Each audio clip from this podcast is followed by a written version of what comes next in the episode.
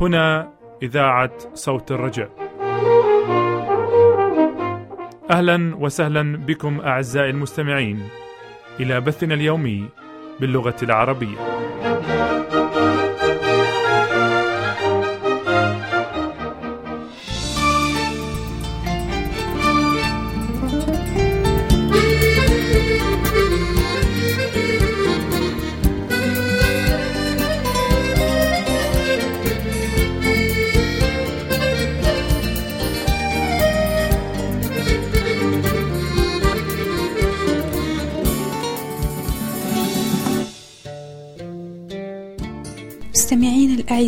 مستمعاتنا العزيزات نجدد الترحاب بكم على أمواج إذاعة صوت الرجاء وفي حلقة جديدة من حلقات برنامجكم الديني الإيمان نور الحياة والروح.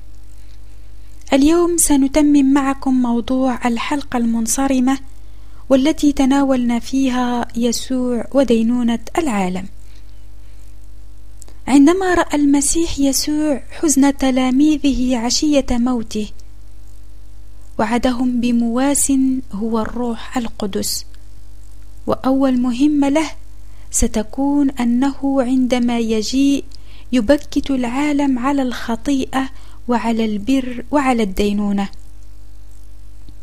عندما قال يسوع ذلك لاحظ بأن أصدقاءه لم يفهموه لهذا أضاف وأما الخطيئة فلأنهم لا يؤمنون بي.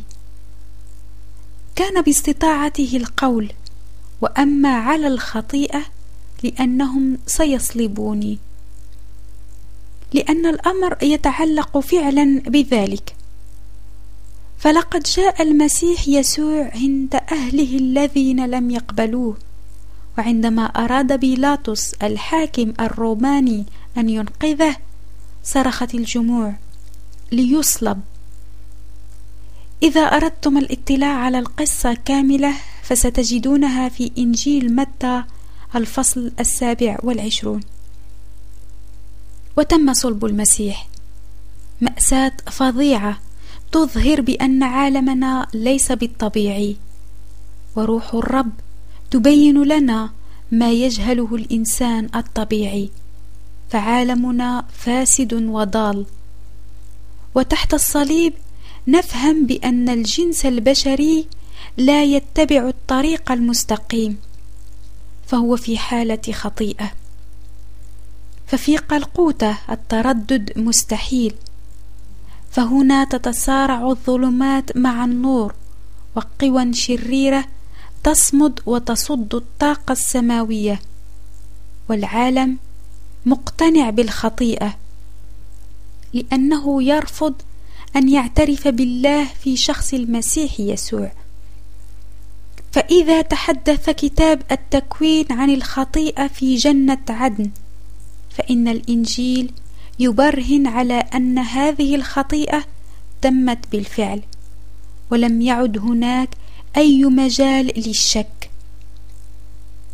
والإنسان الذي يكون عقله منورا ولو قليلا عليه الاختيار بين العالم أو يسوع المسيح. لحسن الحظ أن الوحي لم يتوقف هنا. فلقد أضاف يسوع وهو يتحدث عن الروح القدس المعين قائلا ولكني إذا ذهبت أرسله إليكم وعندما يجيء يبكت العالم على الخطيئة وعلى البر وعلى الدينونة. أما على الخطيئة فلأنهم لا يؤمنون بي وأما على البر فلأني عائد إلى الآب فلا ترونني بعد.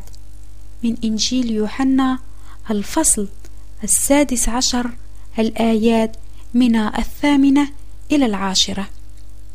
ولكن متى توقف تلاميذه عن رؤيته؟ عندما قام من الموت واختفى ذهب لكي يجد بجانب أبيه المجد الذي كان لديه قبل تكوين العالم كما جاء في إنجيل يوحنا الفصل السابع عشر الآية الخامسة. فبعد ظلمات الصليب النور الساطع للبعث. وهكذا يستطيع الروح القدس أن يقنعنا بأن الخطيئة والموت ليس الحقيقة القصوى. فقوة لا تقاوم تتدخل لمصلحة العدالة. لا نملك الحق في التشاؤم لأن المسيح يسوع قد بعث وشريعة الخطيئة والموت قد أتلفت. والروح القدس الذي وعد به المسيح عليه أيضا أن يقنعنا بالدينونة. كما جاء في إنجيل يوحنا الفصل السادس عشر الآية الحادية عشر. وأما على الدينونة فلأن سيد هذا العالم قد صدر عليه حكم الدينونة. الصليب يظهر خطيئة الإنسان والبعث يظهر عدالة الرب. وهنا خلاصة تفرض نفسها. ما زال العالم بين أيدي قوى شريرة ولكن أيامها معدودة. فسيد هذا العالم صدر عليه حكم الدينونة. واليوم الذي سيدمر فيه إبليس ويفنى في بحيرة النار والكبريت. كما جاء في كتاب الرؤيا الفصل العشرون الآية العاشرة. قلنا بأن ذلك اليوم الذي سيدمر فيه إبليس يقترب. فإن عالمنا مؤجل.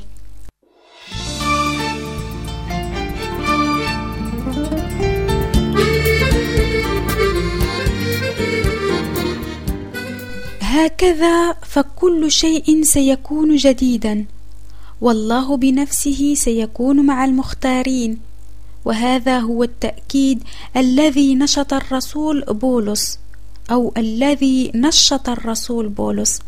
فلقد كتب بولس لمؤمني غلاطيا وذلك في الرسالة إلى مؤمني غلاطيا الفصل السادس الآية الرابعة عشر حيث قال أما أنا فحاشا لي أن أفتخر إلا بصليب ربنا يسوع المسيح الذي به أصبح العالم بالنسبة لي مصلوبا وأنا أصبحت بالنسبة له مصلوبا. انتهت الآية. بمعنى آخر قوله بالنسبة لي العالم الذي صلب يسوع فقد معاني النبل لا يستحق أن أعيش لأجله. فهنا على الأرض أشعر بأني غريب. ونجد أيضا في الرسالة إلى مؤمني فيليبي الفصل الثالث الآية العشرون ما يلي؟ أما نحن فإن وطننا في السماوات التي منها ننتظر عودة مخلصنا الرب يسوع المسيح. هكذا فقد رأينا بأن الدينونة تعتمد على أن نحدد موقفنا فيما يتعلق بالله. ففي العديد من النصوص كلمة الدينونة تشمل معنى حالي وتصرفنا هو الذي يحدد هذه الدينونة وهذا ما نجده في إنجيل يوحنا الفصل الثالث الآيات من الثامنة عشر إلى العشرون والتي تقول فالذي يؤمن به لا يدان أما الذي لا يؤمن به فقد صدر عليه حكم الدينونة لأنه لم يؤمن باسم ابن الله الوحيد وهذا هو الحكم. إن النور قد جاء إلى العالم ولكن الناس أحبوا الظلمة أكثر من النور لأن أعمالهم كانت شريرة. فكل من يعمل الشر يبغض النور ولا يأتي إليه مخافة أن تفضح أعماله.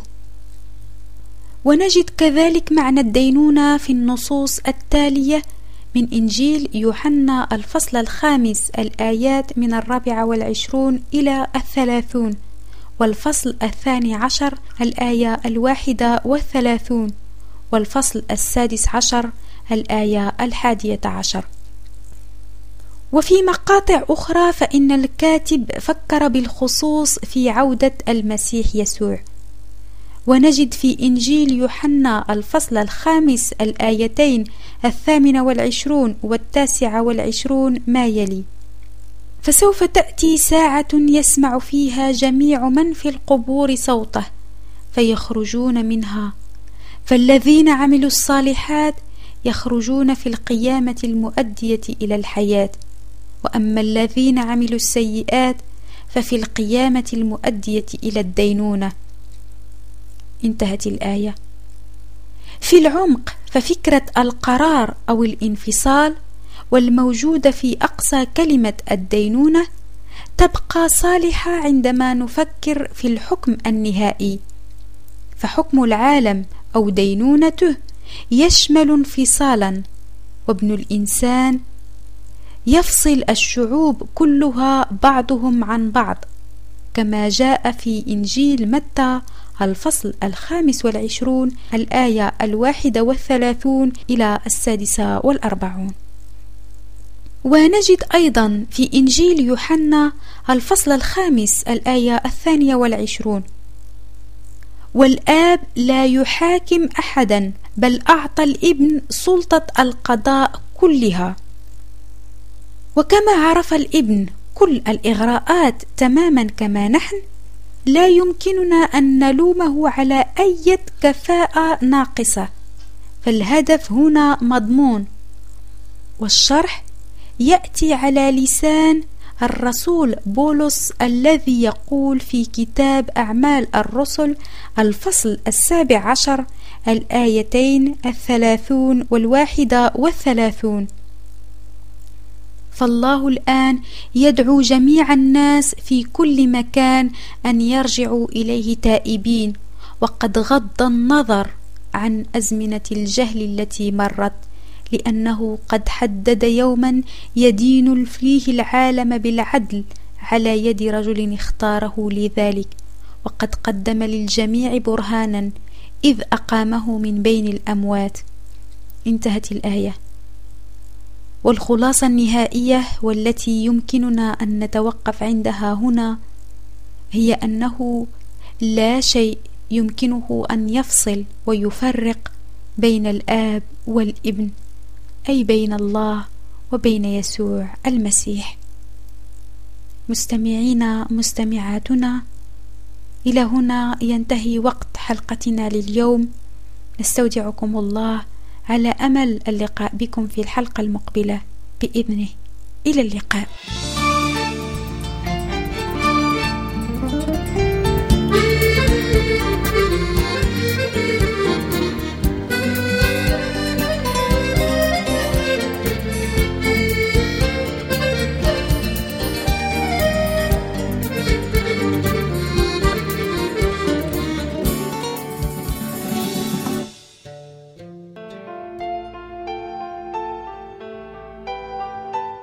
منير سلام ونور كمال. يشكرانك عزيزي المستمع لمرافقتنا خلال برنامج اليوم. وسنكون في غاية الفرح لأن نبعث لك بنسخة من حلقة اليوم أو بنسخة من مطبوعاتنا أو من دروسنا بالمراسلة. وسأكون في غاية الفرح لاستلام أسئلتك واستفساراتك ومقترحاتك وانطباعاتك والرد عليها شخصياً. وإذا ما أردت المزيد من المعلومات بشأن برامجنا باللغة العربية فاكتب لنا على العنوان التالي. عنواننا هو صوت الرجاء صندوق بريد 503 الرمز البريدي 1211 جنيف 12 سويسرا. نعيد العنوان باللغة العربية. صوت الرجاء صندوق بريد 503 الرمز البريدي 1211 جنيف 12 سويسرا والرجاء كتابة العنوان باللغة الإنجليزية على النحو التالي Voice of Hope P.O. Box 503 CH 1211 جنيفا 12 سويسرلاند ولك منا من وراء ميكروفونات صوت الرجاء أرق وأحلى سلام ولك من مهندس الصوت أنور عبد المسيح نفس المحبة والترحيب وإلى اللقاء مع برنامج قادم وليكن الرب معكم.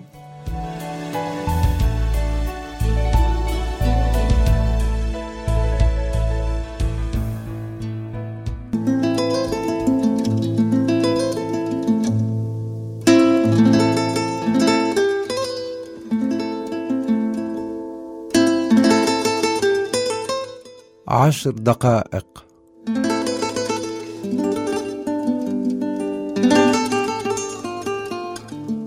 برنامج من إعداد وتقديم جميل بركات.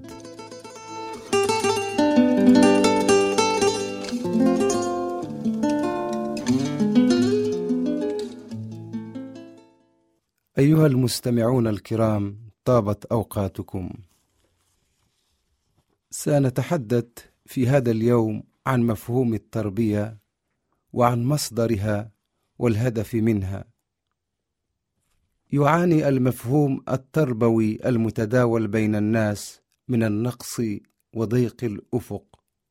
إننا بحاجة إلى مفهوم حقيقي ينظر إلى الإنسان في شموليته ويعتبر التربية نموا متناسقا لقوى الجسم والعقل والروح.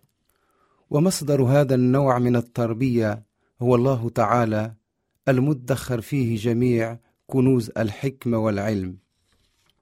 إن التربية الحقيقية هي تلك التي يمنحها الله الذي عنده الحكمة والقدرة والفهم والذي تتدفق من فمه المعرفة والفهم. إن مصدر المعرفة والنضج الحقيقيين هو معرفة الله.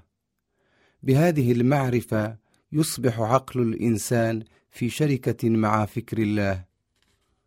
وفي هذه الشركة توجد التربية الحقيقية والسامية. وللقيام بالفعل التربوي على أحسن وجه حري بنا أن ندرك طبيعة الإنسان والهدف من خلقه. وأن نفهم التحول الذي طرأ على حياته بسبب معرفة الشر. عندما جبل الإنسان خلق على صورة الله ومعنى هذا أن الإنسان كان يحمل في طبيعته الروحية والعقلية والجسمية طبيعة تشبه تلك التي توجد في خالقه. لقد كان القصد الإلهي أنه كلما طالت حياة الإنسان ازداد إعلان هذه الصورة بكيفية أوضح وازداد معها انعكاس مجد الله. لقد كانت قوى العقل قابلة للنمو والنضج وكانت قابليتها ونشاطها ستزيد باستمرار. لقد كان المجال الذي أعد لتدريبها واسعا عرضه عرض السماوات والأرض. إنه الكون كتاب الله المنظور الذي يحتوي على معجزات الكامل المعارف على حد تعبير سفر أيوب. إن أعظم امتياز كان الإنسان يتمتع به هو الشركة مع خالقه. ولو حافظ الإنسان على ولائه لله لظل يتمتع بهذا كله إلى الأبد. ولظل على الدوام ينهل من كنوز المعرفة ويكتشف منابع جديدة للسعادة. ويحصل مفاهيم أوضح للحكمة والقوة والمحبة الإلهية. لو ضل الإنسان على ولائه لخالقه لأتم الغاية من خلقه بكيفية أمتل. ولا استطاع أن يعكس مجد الله بشكل أبهى وأجمل.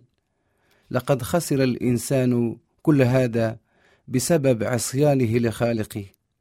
فلقد لوثت الخطية صورة الله في الإنسان وكادت تمحوها حيث ضعفت قوى الإنسان البدنية وأصاب الوهن قدراته العقلية وتبدلت وأظلمت بصيرته الروحية.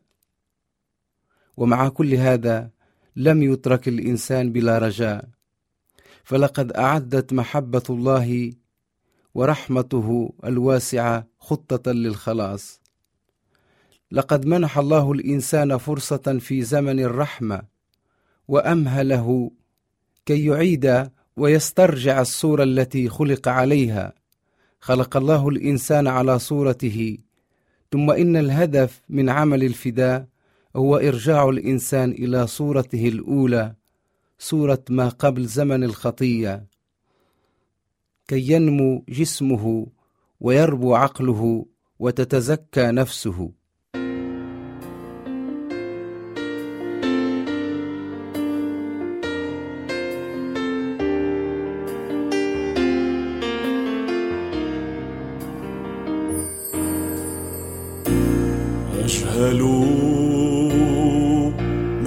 سوف يأتي في الغد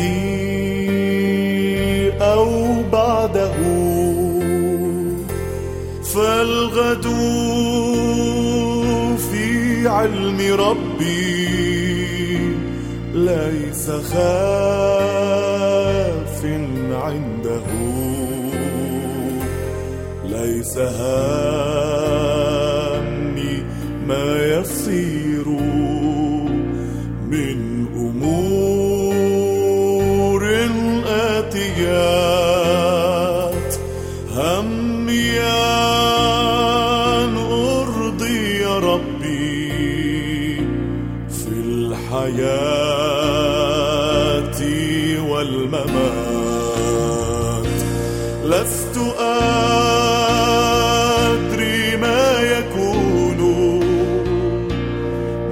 من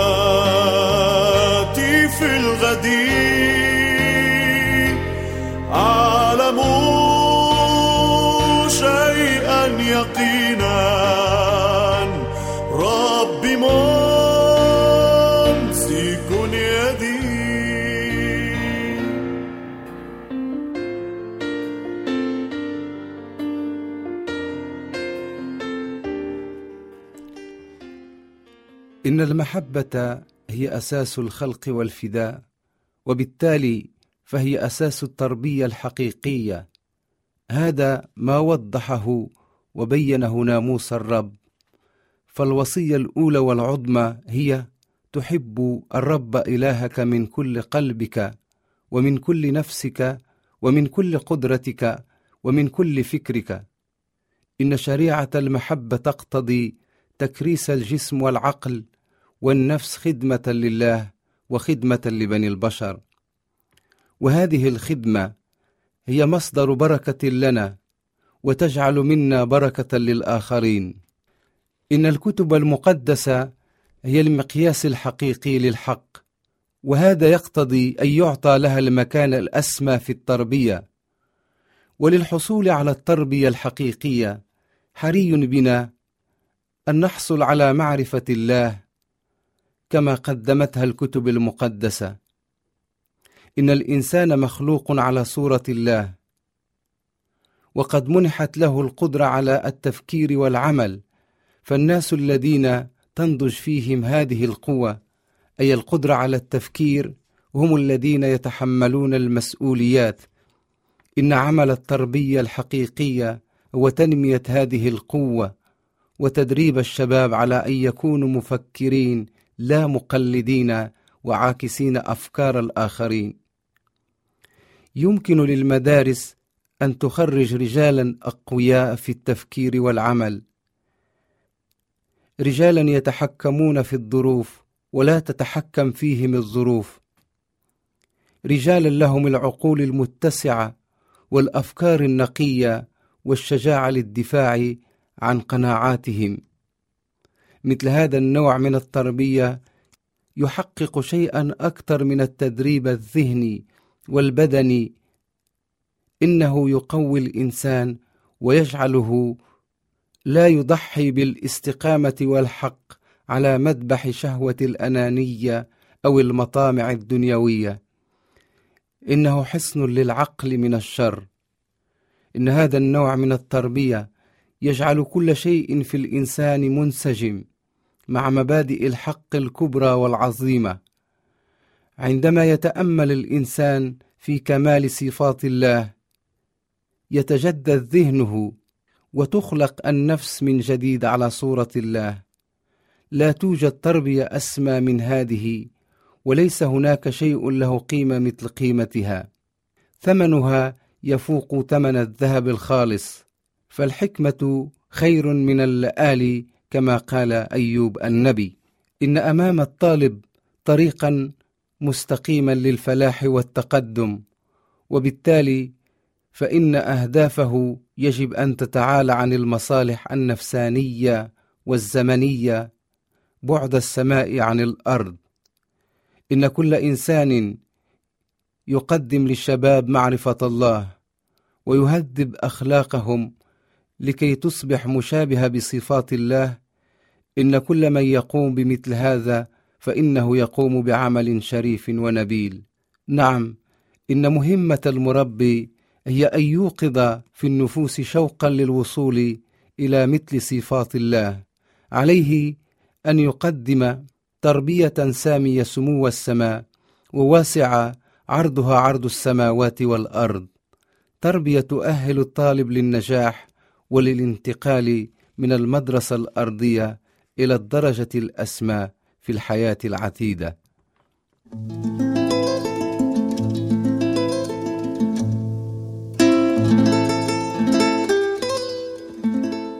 كنتم في رحلة مع جميل بركات وحتى نلتقي في رحلة أخرى في أمان الله.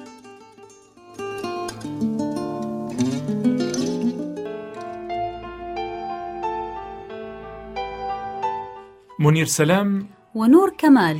يشكرانك عزيزي المستمع لمرافقتنا خلال برنامج اليوم.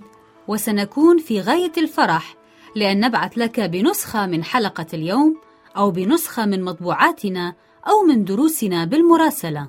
وسأكون في غاية الفرح لاستلام أسئلتك واستفساراتك ومقترحاتك وانطباعاتك والرد عليها شخصيا. وإذا ما أردت المزيد من المعلومات بشأن برامجنا باللغة العربية فاكتب لنا على العنوان التالي. عنواننا هو صوت الرجاء صندوق بريد 503 الرمز البريدي 1211 جنيف 12 سويسرا. نعيد العنوان باللغة العربية. صوت الرجاء صندوق بريد 503 الرمز البريدي 1211 جنيف 12 سويسرا. والرجاء كتابة العنوان باللغة الإنجليزية على النحو التالي. Voice of Hope P.O. Box 503 CH 1211 جنيفا 12 سويسرلاند ولك منا من وراء ميكروفونات صوت الرجاء. أرق وأحلى سلام. ولك من مهندس الصوت أنور عبد المسيح نفس المحبة والترحيب وإلى اللقاء مع برنامج قادم وليكن الرب معكم.